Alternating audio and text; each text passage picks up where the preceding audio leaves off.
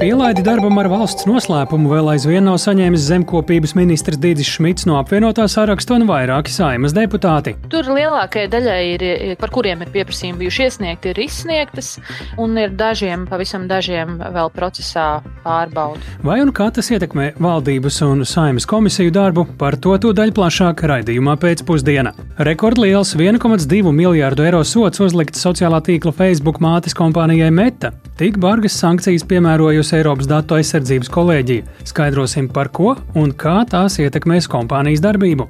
Un vai uz dziesmu svētkiem meža parkā tiešām varēs doties arī ar tramvaju? Amatpersonas šodien pārbaudīja, kā veicas ar brāzes tilta pārbūvi. Arī par to plašāk to daļu ziņu raidījumā pēcpusdienā kopā ar mani Tāli Eipuru.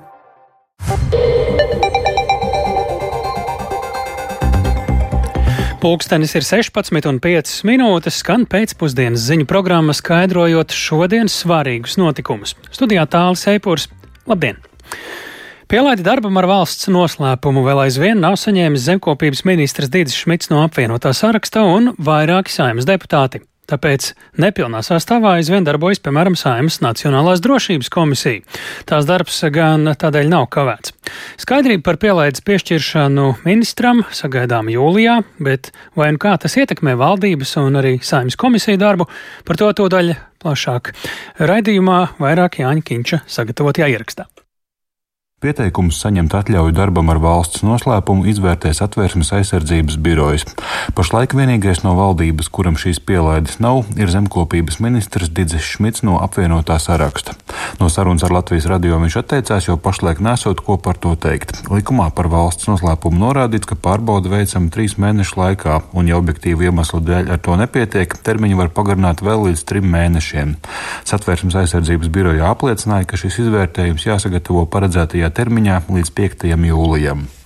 Jāatgādina, ka 2020. gadā bija situācija, kad izsniegto pielaidi darbam ar valsts noslēpumu anulēja toreizējam ekonomikas ministram Ralfam Nemīro. Tobrīd premjeras Krišāns Kariņš no jaunās vienotības aicināja partiju KPVLV izvirzīt citu ministru, un tā valdībā nonāca Jānis Vitenbergs. Situācija saistībā ar pielaidi zemkopības ministram Didzim Šmitam atšķiras, jo pašlaik vēl jāsagaida satvērsmes aizsardzības biroja lēmums. Savukārt saimā pielaida darbam ar valsts noslēpumu nepieciešam tiem deputātiem, kuru pārstāvē pārstāvētajās komisijās var būt ar valsts noslēpumu saistīti jautājumi.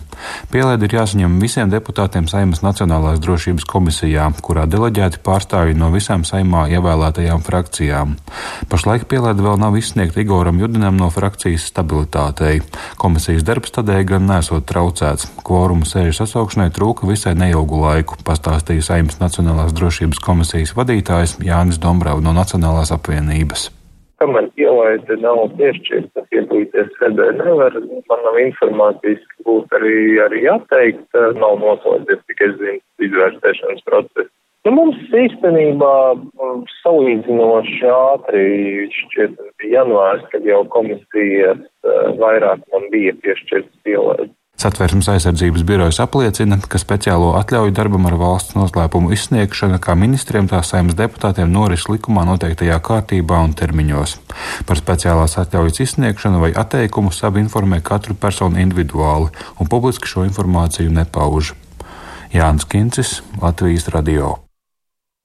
Domājot ne tikai par Latvijas, bet visu mūsu reģionu drošību, sankcijas pret Krieviju un Baltkrieviju šodien ir Eiropas Savienības valstu ārlietu ministru uzmanības lokā. Lietuva mudina pēc iespējas ātrāk apstiprināt jaunas sankcijas pret Baltkrieviju, jo šī valsts tiek izmantot, lai apietu Krievijai uzliktos eksporta ierobežojumus. Dažādus iebildumus izsaucis arī Ukrainas izveidotais starptautisko kara atbalstītājs saraksts, kurā iekļauti arī Eiropas uzņēmumi. Par to mēs plašāk to daļu sarunāsimies ar mūsu Briseles korespondentu Ārķomu Konohovu. Labdien, Ārķom! Sāksim ar Baltkrievijas sankcijām kuru uh, pieņemšanu rosina tieši Lietuvas ārlietu ministrs uh, pātrināt. Uh, kādēļ te ir sarežģījumi apstiprināt šādus ierobežojumus?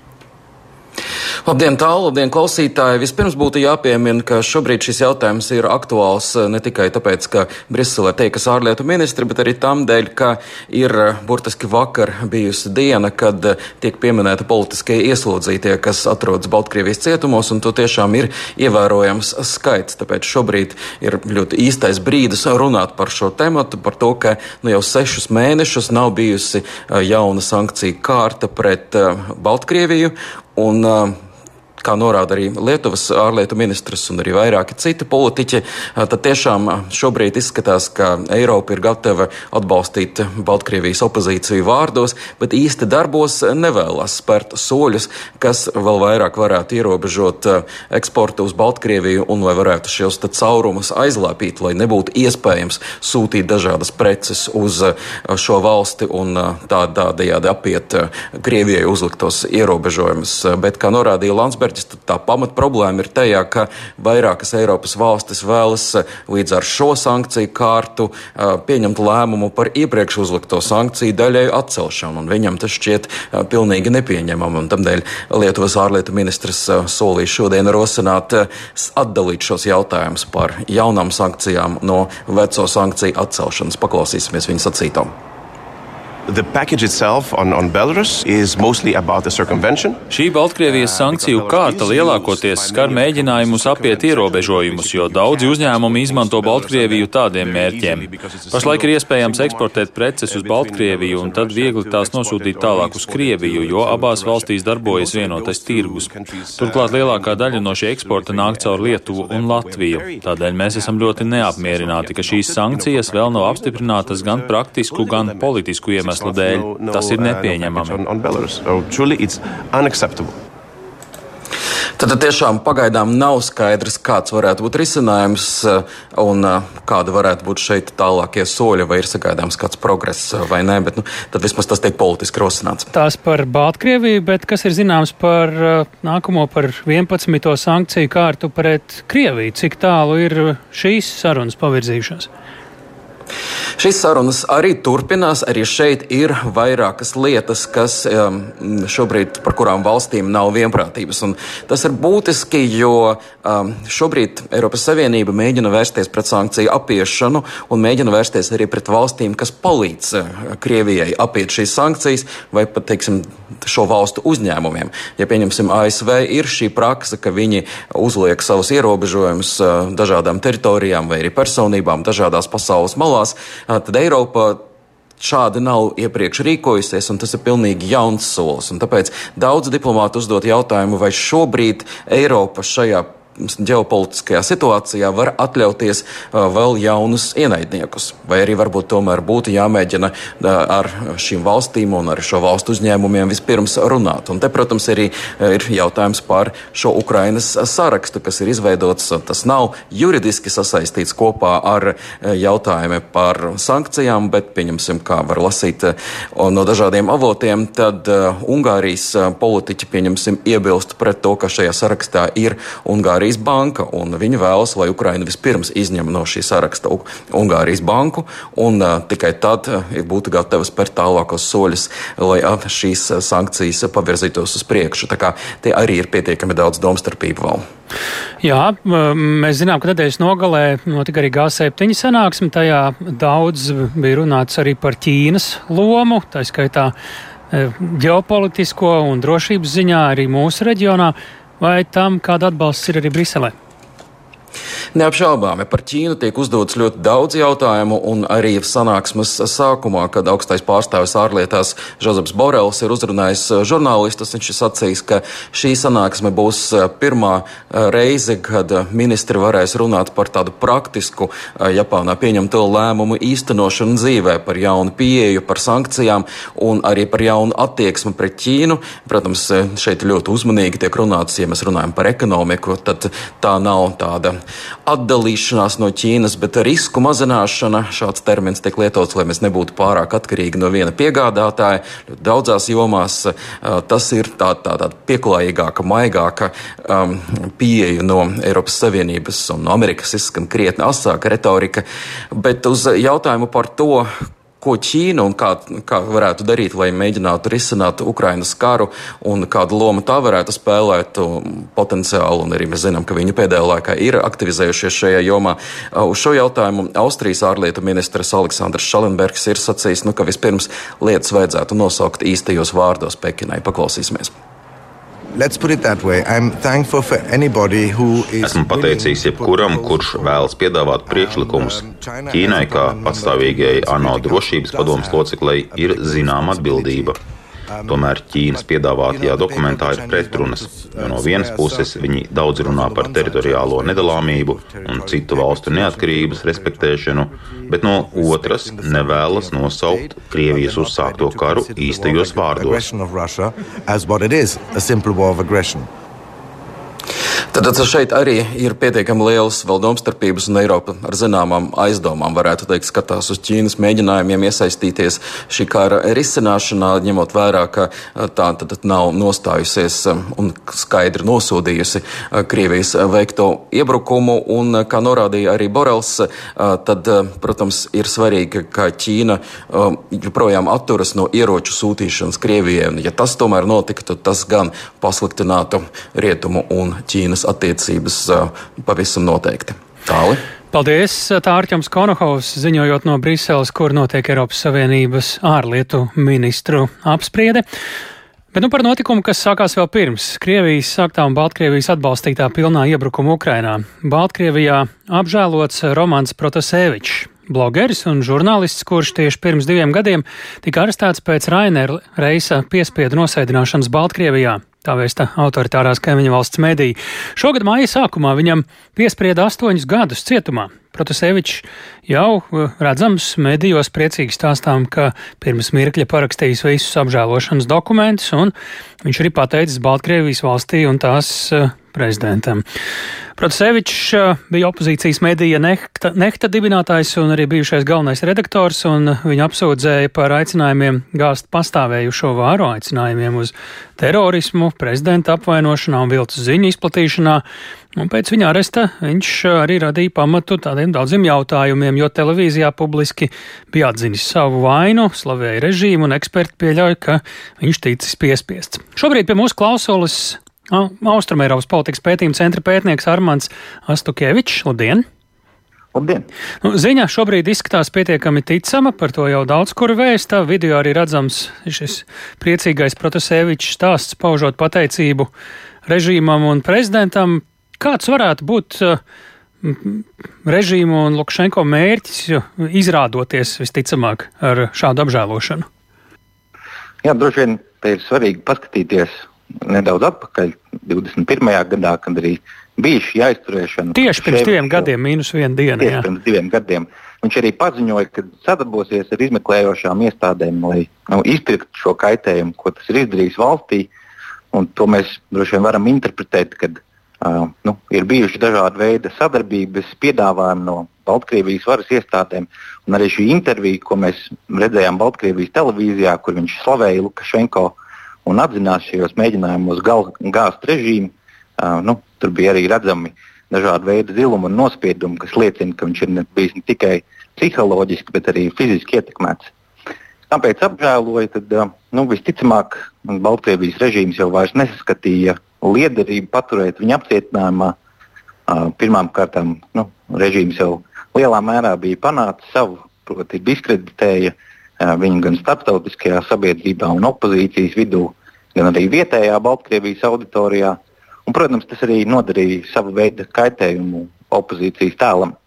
Bet otrām kārtām es domāju, ka tas ir nu, lielā mērā arī tāds strateģisks solis un netieši signāls opozīcijai, um, kad nu, tie, kas ir aizturēti, šie opozīcijas dalībnieki, kad sadarbība ar režīmu nu, tomēr atmaksājas un, un kad šiem sadarbības piedāvājumiem uh, var piekrist. Respektīvi, tie opozicionāri, kur atsauktos zināmiem aicinājumam atgriezties valstī, var rēķināties, ka viņiem būs uh, neizbēgami jāsadarbojas ar režīmu. Uh, man arī neizmēli pajautāt, tas gan vairāk tāds spekulatīvs jautājums, cik liels pārsteigums būtu, ja Protasevičs mēģinātu kaut kā pamest Baltkrieviju. Viņš gan teica, ka vispirms došoties kaut kur pie upes un ezera atgūties. Nu, protams, mēs uh, pilnībā nezinām, kas ir šie sadarbības nosacījumi, uz kuriem uh, Protaševics ir piekritis un ticis apžēlots.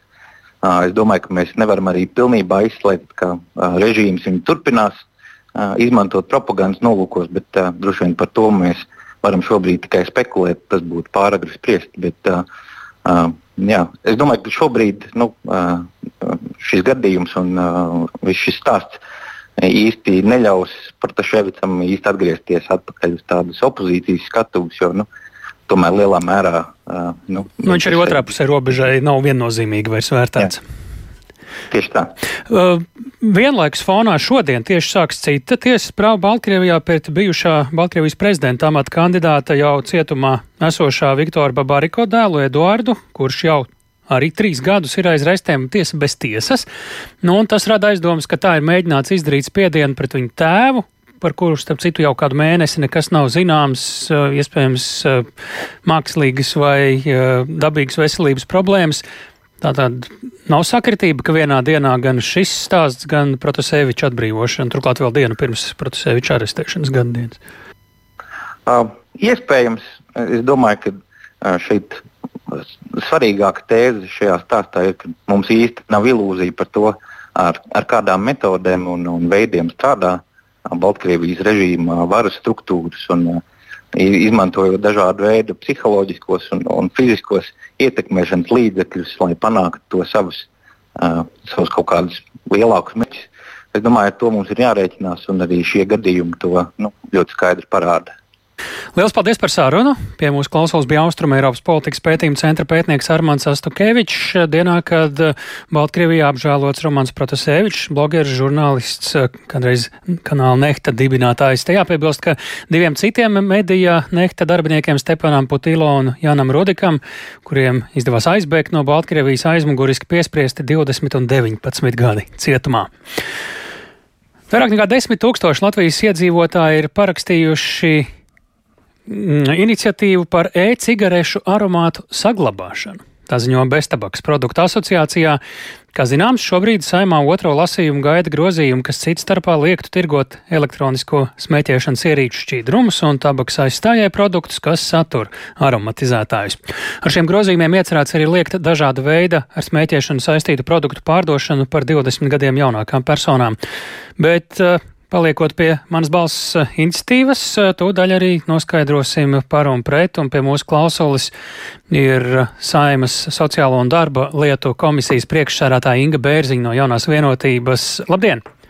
Labdien! Mēs gan mēģinājām arī, lai būtu abas puses sazvanīt beztabakas produktu asociāciju, bet viņi uh, nedavās mums rokā šodien. Runāsim ar jums, kā jūs vērtējat šādu iniciatīvu un droši vien arī esat uzmetusi acis argumentiem. Jā, es gribētu vērst uzmanību, ka pavisam pirms neilga laika bija pilnīgi cita iniciatīva, uh, kur uh, tieši pretēji bija savākti ļoti ātri dažās dienās uh, vairāk kā desmit tūkstoši paraksti par to, uh, lai šie aromatizētāji nebūtu atļauti un lai šīs elektroniskās cigaretes nebūtu viegli pieejamas bērniem un jauniešiem. Bet uh, būtībā man gribas šodien arī izteikt uh, nožēlu par to, ka nu, rīt mēs saimnes komisijā skatīsim uz trešajā lasījumā iesniegtos priekšlikumus, kā apvienotais saraksts ir iesniedzis priekšlikumu, kuri diezgan būtiski maina uh, likumu, kurš ir apstiprināts jau otrajā lasījumā. Īstenībā tas ir pretēji tam, kā ir strādājusi Veselības ministrija jau vairāk kā trīs gadus. Un šajā sakarā man ir jāsaka, ka uh, man jau tagad nav skaidrs, uh, kas un ko rīt komisijas sēdē un arī uh, atbalstīs. Nu, manuprāt, mans uzskats ir tāds, ka viennozīmīgi mūsu prioritāte ir bērni un jaunieši. Un neveltīs 65 ārstu organizācijas ir parakstījušas uh, aicinājumu uh, kaut ko darīt, uh, lai tiešām šie, šie salti, aikusi veidi un vispārējie, kas šobrīd plašā apmērā tiek lietoti skolās un tiek izplatīti bērnu un jauniešu vidū. Un ne tikai, ja mēs tagad ieiesim jebkurā lielveikalā, uh, tad ne tikai, un arī pastaigāsim pa vecrīgas, mēs redzēsim, cik daudz ir šie veikali, kad burtiski man gribas teikt, ka šie produkti skrien virsū. Tāpēc manā ieskatā ir beidzamais brīdis, kad beidzot apstiprināt saimē otrajā lasīmā jau apstiprinātos grozījumus, kuri ierobežos šos. Uh, šos beztabakas izstrādājumus. Un, nu, ļoti gribas cerēt, ka mūsu kontrolējošās iestādes to spēs arī attiecīgi izkontrolēt. Nu jā, viņi, šī institīvas autori, aizliegumu vietā aicina cīnīties pret nelegālo tirgu, izglītot sabiedrību, aicina uz vecumu ierobežojumu jauniešiem no 21 gada un apelē arī, ka e-cigaretes ir daudz mazāk kaitīgas par parastajām. Ir ko likt pretī? Nu, attiecībā, jā, attiecībā uz kaitīgumu tas šobrīd, kā atzīmē Pasaules veselības organizācija, tas nav līdz galam pierādīts, cik tad ir vai nav kaitīgs, bet ir pilnīgi skaidrs, ka šajos beztabakas izstrādājumos ir nikotīns. Un to vajadzētu uzsvērt vēlreiz un vēlreiz nikotīns ir atkarība izraisoša viela.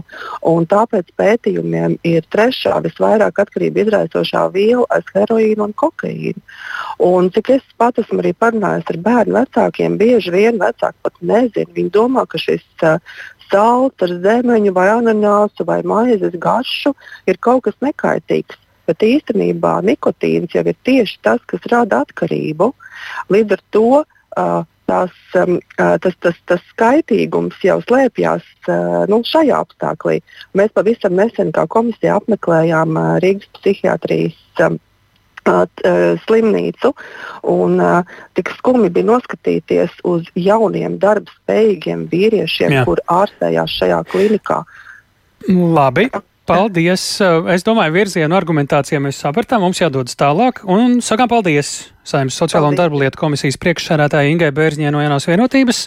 Un uh, atgriežamies pie Cita temata vēl pievēršamies, proti, piedzīt rekordlielu 1,2 miljārdu eiro administratīvo sodu no sociālā tīkla Facebook mātes uzņēmuma Meta īrijas datu aizsardzības komisijā līdz Eiropas Savienības centrālais regulators, jeb Eiropas datu aizsardzības kolēģija. Sots ir piemērots par Meta veiktajiem Eiropas Savienības personas datu aizsardzības noteikumu pārkāpumiem. Vairāk skaidro Rustams Šukurovs.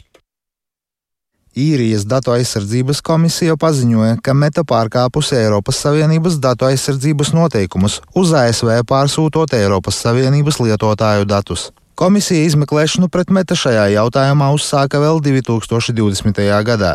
Izmeklēšanā tika konstatēts, ka uzņēmums Meta, kura galvenā pārvalde atrodas Dublinā, nav spējis novērst riskus datu subjektu pamatiesībām un brīvībām, kas tika identificēti Eiropas Savienības tiesas iepriekšējā spriedumā. 2020. gadā Eiropas Savienības tiesa atzina Eiropas Savienības un ASV datu plūsmas nolīgumu, kas pazīstams kā privātuma vairogs par personas datu aizsardzības prasībām neatbilstošu un spēkā nēsošu. Tolaik tiesa atzina, ka privātuma vairogs nenodrošina pie pietiekumu personu datu aizsardzību, īpaši vēršot uzmanību uz ASV Nacionālās drošības aģentūras iespējām novērot ienākošos personas datus nacionālās drošības mērķa sasniegšanai nesamērīgā veidā. Standarta klauzulas tiesa atzina par prasībām atbilstošām, tā kā tās uzlika personas datu pasūtītājiem un saņēmējiem pienākumu pirms personas datu pārsūtīšanas pārliecināties, ka konkrētās trešās valsts normatīvais regulējums paredz pietiekumu personas datu aizsardzības līmeni, kā arī pienākumu gadījumos, kad aizsardzības līmenis nav pietiekams, nepieļaut personas datu apstrādi. Meta, kā arī citi startautiski uzņēmumi, turpināja paļauties uz šo juridisko instrumentu, jo Eiropas Savienība un ASV amatpersonas turpināja darbu, lai izveidotu jaunu datu plūsmas vienošanos, un ASV tehnoloģiju gigantam trūka citu juridisku mehānismu personas datu pārsūtīšanai. Līdz ar naudas soda uzlikšanu Eiropas datu aizsardzības kolēģija arī noteica, ka līdz šā gada 12. oktobrim Meta ir jāaptur turpmāk turpmāka personas datu pārsūtīšana uz ASV, izmantojot standarta klauzulas. Meta pārstāvis Niks Kleks savukārt nāca klajā ar paziņojumu, ka uzņēmums plāno pārsūdzēt lēmumu par naudas soda piemērošanu un datu pārsūtīšanas apturēšanas termiņu. Kleks arī norādīja, ka viņa prāta lēmums par naudas soda piemērošanu rada bīstamu precedentu. Tikmēr Eiropas komisijas pārstāvis Kristians Vigants, komentējot lēmumu par naudas soda piemērošanu, atzīmēja, ka Eiropas Savienība un ASV datu aizsardzības regulējums, pie kā šobrīd abas puses aktīvi strādā, ļaus nākotnē izvairīties no rekordlieliem naudas sodiem.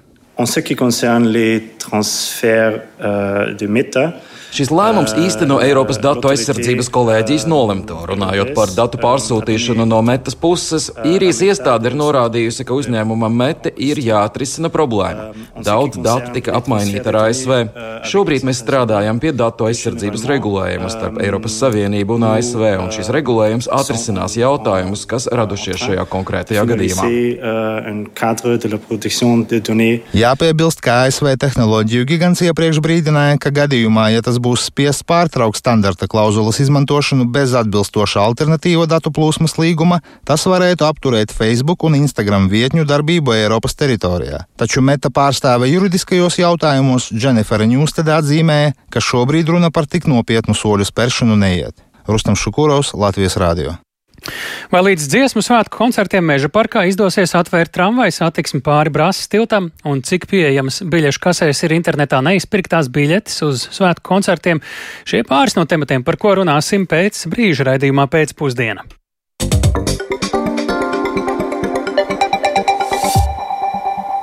Uz dziesmu svētkiem Meža parkā ar tramvaju. Rīgā pēc mēneša, dažas dienas pirms pašiem svētkiem, plāno atjaunot tramvaja satiksmi pār jaunā brāzes tilta vienu pusi. 140 metrus garais pārvads pār dzelzceļa līniju Rīgas kulte gadiem ilgi ir radījis galvas sāpes pašvaldībai, arī iedzīvotājiem. Lai gan būvnieks sola tilta pārbūvi pilnībā pabeigt līdz gada beigām, netiek izslēgti arī kādi šķēršļi. Vairāk Viktora Demidova ierakstā. Vienā no Rīgas izaicinājumiem bagātākajā infrastruktūras objektā valda aktīva rosība. Strādnieki urbi un roka savukārt pārvada uzbrauktuvēs jau stiprina tramvaja sliedes. Tuvākajās dienās tās plānot sākt montēt jau uz paša tilta. Tramvaja kustību pār topošo brasas tiltu paredzēts atklāt uz dziesmu svētkiem. Satiksme gan noritēs tikai pa tilta vienu pusi, respektīvi būs vienas sliedes, bet tramvajs kursēs abos virzienos gados. Savukārt visu pārvadu paredzēts pabeigt un nodot eksploatācijā rudenī, kad slēgs blakus ierīkoto dzelzceļa pārbrauktuvi. Tā informē būvdarbu atbildīgais vadītājs Pāvils Sidorovs, atzīstot, ka tilta celtniecība norit sarežģīti. Ziniet, dažus mēnešus atpakaļ man bija cerība, ka nekas jau neparādīsies, bet tomēr nu, tā viennozīmīgi es nepateikšu, ka tās nekas te neatklāsies. Kā risks tomēr tik un tā pastāv? Risks, risks tomēr pastāv. Viņš, es uzskatu, tagad ir mazāks, tāpēc ka mēs pārsvarā zemes darbus jau pabeidzam, jā, bet nu, ir, mēs strādājam arī pāri dzelzceļam, veicam darbus. Jā, un, Ar dzelzceļu tur arī vienmēr varētu būt kaut kādi sarežģījumi. Tāpēc viennozīmīgi es neatbildēšu, ka risku vairs nav. Bet tas gala termiņš ir tik un tā saglabājis? Mūsu nostādījums saglabāt gala termiņu. Brāzas tilta pārbūvi sāka 2019. gadā, taču drīz vien to uz vairākiem gadiem pārtrauca atrasto apbedījumu dēļ. Vairākus gadus pašvaldība konstrukciju novēroja un daļēji nodrošināja satiksmi pār to. Vēlāk ļāva to izmantot tikai sabiedriskajam transportam, bet pērn pavasarī, konstatējot, ka tilts vairs nav drošs, kustību slēdza un būvdarbus atsāka. Lai gan vēl pērna bija prognozēts, ka līdz ciesmu svētkiem pabeigs visus darbus, būvdarbu laikā bija bija radušies vairāki sarežģījumi. Piemēram, rudenī atklāja vēl ap simt apbedījumu. Darbus kavēja arī atrastās komunikācijas, kas plānos nesot bijušas. Tas ietekmēja arī tilta izmaksas. Pērn doma prognozēja, ka objekts maksās 13 miljonus eiro, bet tagad jau figurē vismaz 14,5 miljoni eiro, ko ietekmēja arī karš Ukrainā. Taču vicemērs Vilnis Čirsis no jaunās vienotības precīzu summu nesauc, norādot, ka tā būs zināma vēlāk.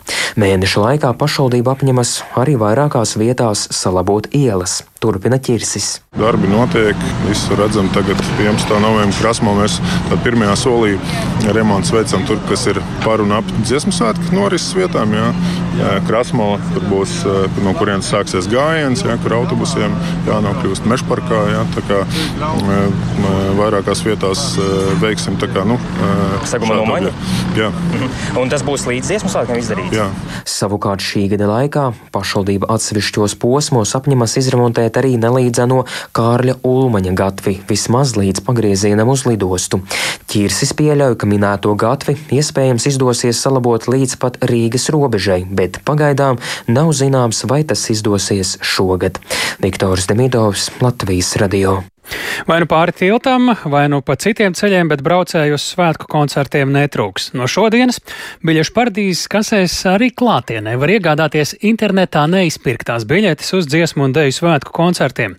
Arī svētku dalībnieki sāk izpirkt jau iepriekš viņiem rezervētās biļetes. Kāds šobrīd ir biļešu piedāvājums, vai klātienē rindas ir tikpat garas kā internetā, un kas notiek ar biļešu otrreizējo pārdošanu, plašāk klausāmies Agnijas Lazdiņas ierakstā.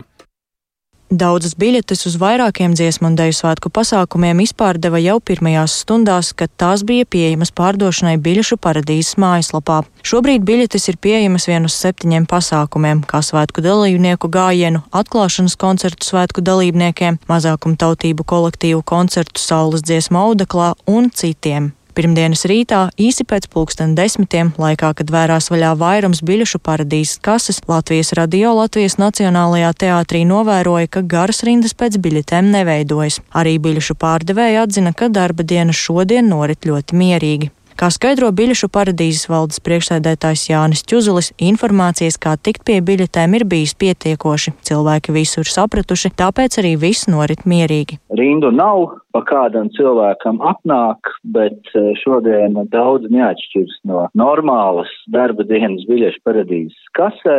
Kolektīva labā noskaņojumā kolektīva vadītāji ierodas, izpērk savus biļetes, bet tam nav nekādas steigas, jo laiks vēl ir, ir pietiekami. Tā kā kasēs nav vērojams ne rindas, ne panikas, viss ir mierīgi. Tāpat biļetes ir parādījušās tirgošanā ne tikai biļešu kasēs, bet jau nonākušas arī sludinājumu portālos uz otrreizēju pārdošanu. Tur biļešu piedāvājums ir neliels. Lielākā daļa cenšas pārdot biļetes tieši uz noslēguma koncertiem. Cenas atšķiras, kāds pārdot vien 10 eiro dārgāk, kāds par vairākiem simtiem.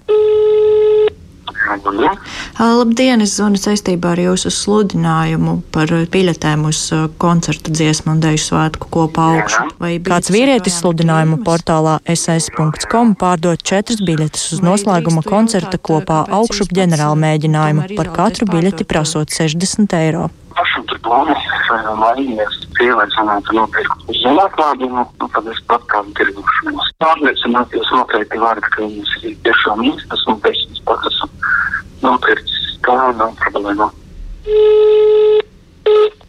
Pieprasījums sludinājuma portālā ss.com ir liels, un biļetes izķer ātri. Kāda sieviete, kas tirgoja divas biļetes uz deju lielu uzvedumu mūžīgais dzinējs, stāsta, ka pašai izdevies nopirkt biļetes gan uz dienas, gan vakara koncertu, tāpēc izvēlas to, uz kuru ērtāk tikt. Jā, jā, nu kā, nu kā jau varbūt tirgo vēl. Jā, pie jums baigā ātri tad sanāk noķēra. Jā, jā, jā, es ieliku, es vienkārši biju pati pirku pa 40, es ieliku biļetu 50, tad ņemot vērā, kā es tur arī ņēmos un tā, bet nu, vienkārši 10 eiro tā kā vairāk, bet nu, ne, nu, noteikti citi jau liek vairāk par 100 eiro un ko, ko tur vairāk. Jā. Nu, nu, Jā. Nu, tā jau ir no lietas, ko tur tā uzvārīties, manuprāt. Biļešu paradīzes valdes priekšsēdētājs Jānis Čuzulis gan uzsver, ka pagaidām nav konstatēta tendence, ka kāda rīcībā būtu daudz biļešu, ar kurām tiktu taisīts nelegālais biznes. Tādiem mētiecīgākiem spekulantiem var teikt, ka ņemot vērā, ka visas biļetes tirgotas ar elektroniskiem maksājuma līdzekļiem. Līdz ar to ir iespējams noskaidrot sākotnējo pircēju. Ja mēs redzētu, ka veidojas, teiksim, tādas organizētas biznesa pazīmes, tad mēs pilnīgi noteikti varam secināt, kas ir bijuši šie biļešu sākotnējie pircēji. Līdz ar to tur īpaši nav iespējams uh, noslēpties. Jānis Čuzulis gan piebilst, ka pērkot biļetes sludinājumu portālos, ir jābūt ļoti uzmanīgiem, jo garantijas, ka nopirkto biļeti koncertā varēs tikt, nav. Agnija Lazdiņa, Latvijas radio. Šobrīd pie mūsu klausulas 27. vispārējo latviešu dziesmu un 20. Tātad es atvainojos 17. deju svētku izpilddirektora Daina Markova. Labdien! Labdien! Sajūta romiešu ciparos. Kā jūs vērtējat šobrīd līdzšinējo tirniecības norisi? Viss rit gludi vai ir kaut kādi izaicinājumi lielāki vai mazāki? Es, mēs kopumā esam apmierināti ar tirne, biļešu tirdzniecības norisi, kā tas mums noritēja iepriekšējā nedēļā. Mēs skatījāmies arī, ka tiešām nestoties uz diezgan sarežģīto informāciju, cilvēki visu saprata. uh, sekojums, arī nebija daudz neskaidrību par šo publiskās tirdzniecības jautājumu. Un, uh, man ir gandrījums, ka mums izdevās pievērst katram gan nozarēm uzmanību, gan atsevišķi dejām. Un, protams, uh, nu, vislielākā, nu, ļoti liela, vislielākā interese par noslēgumu koncertu. Un, jā, un, cik mēs kā, skatāmies, ka arī lielu tehnisku problēmu nebija. Faktiski nebija vispār piekdiena jau vairs. Mm -hmm. Ziņas par iespējamām spekulācijām vai tādām lielākām spekulācijām, kur cilvēki vienkārši nevis plānu maiņas dēļ, bet jau peļņas nolūkos pārdot biļetes. Kādu jūs tur vērtējat situāciju šobrīd? Nu, tāda situācija ir acīm redzot par šo, te, par šo koncertu. Ir ļoti liela interese sabiedrībā. Un, nu, kā mēs redzam, pilnībā mēs izrē, izvairīties no tā uh, nevaram, bet nu, tā jau ir tālāk jau uh, drošības sargājušo iestāžu kompetence skatīties par šo. Skatīties. Uh, uh, nu, nav pamata, jo Mēs jau, protams, nevaram nu, to cenu celt tik augstu, ka, lai, lai šī parādība vispār izzustu. Bet, kā jau minēja Jānis Juzuls, tad, tad, kā jau minēja Jānis Juzuls, tad jābūt ļoti, ļoti uzmanīgiem pērkot vispār šādā veidā biļetes, jo nu, biļeti ienākot koncertā noskanēt var tikai vienu reizi. Un, šādā veidā var pārdot elektroniskās biļetes arī vairākas reizes. Ir jābūt uzmanīgiem. Es tiešām neaicinātu un nepirkt šādā veidā. Var kaut kā pārliecināties par īstumu pirms tam? Uh, nu, nākot iekšā, biļete noskanēsies tikai tam, kas pir pirmajam. Bet vēl pirms iešanas iekšā? Nu, es domāju, ka nevar. Aha. Labi, tas tāds mājiens par šādu pirkumu drošumu. Paldies par sarunu. To mēs sakām Dēnai Markovai, 27. vispārējo latviešu dziesmu un 17. deju svētku izpildirektorai, bet jaunie sporta talanti, kuri paralēli sportošanai vēlas iegūt augstāko izglītību, tiek aicināti pieteikties studijām Rīgas Tehniskajā universitātē, īpašajās budžeta vietās gan bakalaura, gan maģistra, gan pirmā līmeņa augstākās profesionālās izglītības programmās. Nākamajam studiju gadam augstskola tam atvēlējusi 25 budžeta vietas visam studiju laikam, nevis vienam studiju gadam. Tās domātas sportistiem, kuri ir uzrādījuši augstus sasniegumus, kuriem arī bijušas labas sekmes mācībās vai studijās, un kuri aktīvi arī darbojas savās sporta federācijās. Rīgas Tehniskās Universitātes sporta centra direktora vietniece Sanita Svēle pie mūsu klausulas uz īsu sarunu. Labdien! Labdien! Mēs tā sprinta režīmā uz cik augsta līmeņa sportistiem tas attiecas vispār īsumā? Tas attiecas uz visu līmeņu sportistiem un attiecās gan uz individuāliem, gan uz komandu sporta veida sportistiem. Jā, neatkarīgi no tā, protams, komandas sporta veidam uh, ir jāspēlē komandā. Viņi arī spēlē, spēlēs, turpinās savu karjeru Rīgas Tehniskās Universitātes uh, komandu sporta veidu komandās. Un individuālajie sporta veidi viņiem ir jābūt Latvijas izlases kandidātiem vai Latvijas izlases dalībniekiem kas ir individuālajos sporta veidos. Diezgan augsts tas līmenis tad ir jāpaceļ, lai varētu kvalificēties. Mēs redzam, ārzemēs daudz kur ir šāda praksa. Kāds labums no tā ir augstskolai? Augstskola atbalsta jaunos talantus, augstskola atbalsta jauniešus un palīdz viņiem veidot šo duālo karjeru. Jā, un, kāpēc protams, tas tam... ir augstskolai vajadzīgs? Kāpēc tie nav ne tikai sportisti, bet nezinu, citu nodarbošanos cilvēki? Mēs atbalstam jaunos talantus un īpaši arī sportistus, un to esam darījuši visas savas pastāvēšanas vēsturē. Un atbalstam arī šoreiz, jo mēs zinām, ka sportistam karjera ir ļoti īsa, sportiskā karjera. Un pēc sportiskās karjeras ir nepieciešams kaut ko darīt.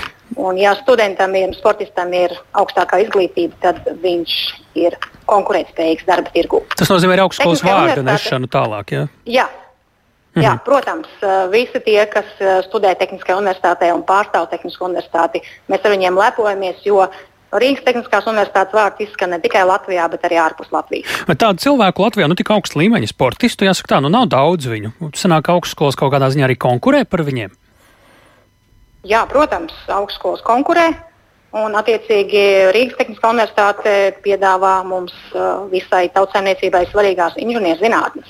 Un esam ļoti priecīgi un pateicīgi, ka augstu līmeņa sportisti izvēlas inženierzinātnes.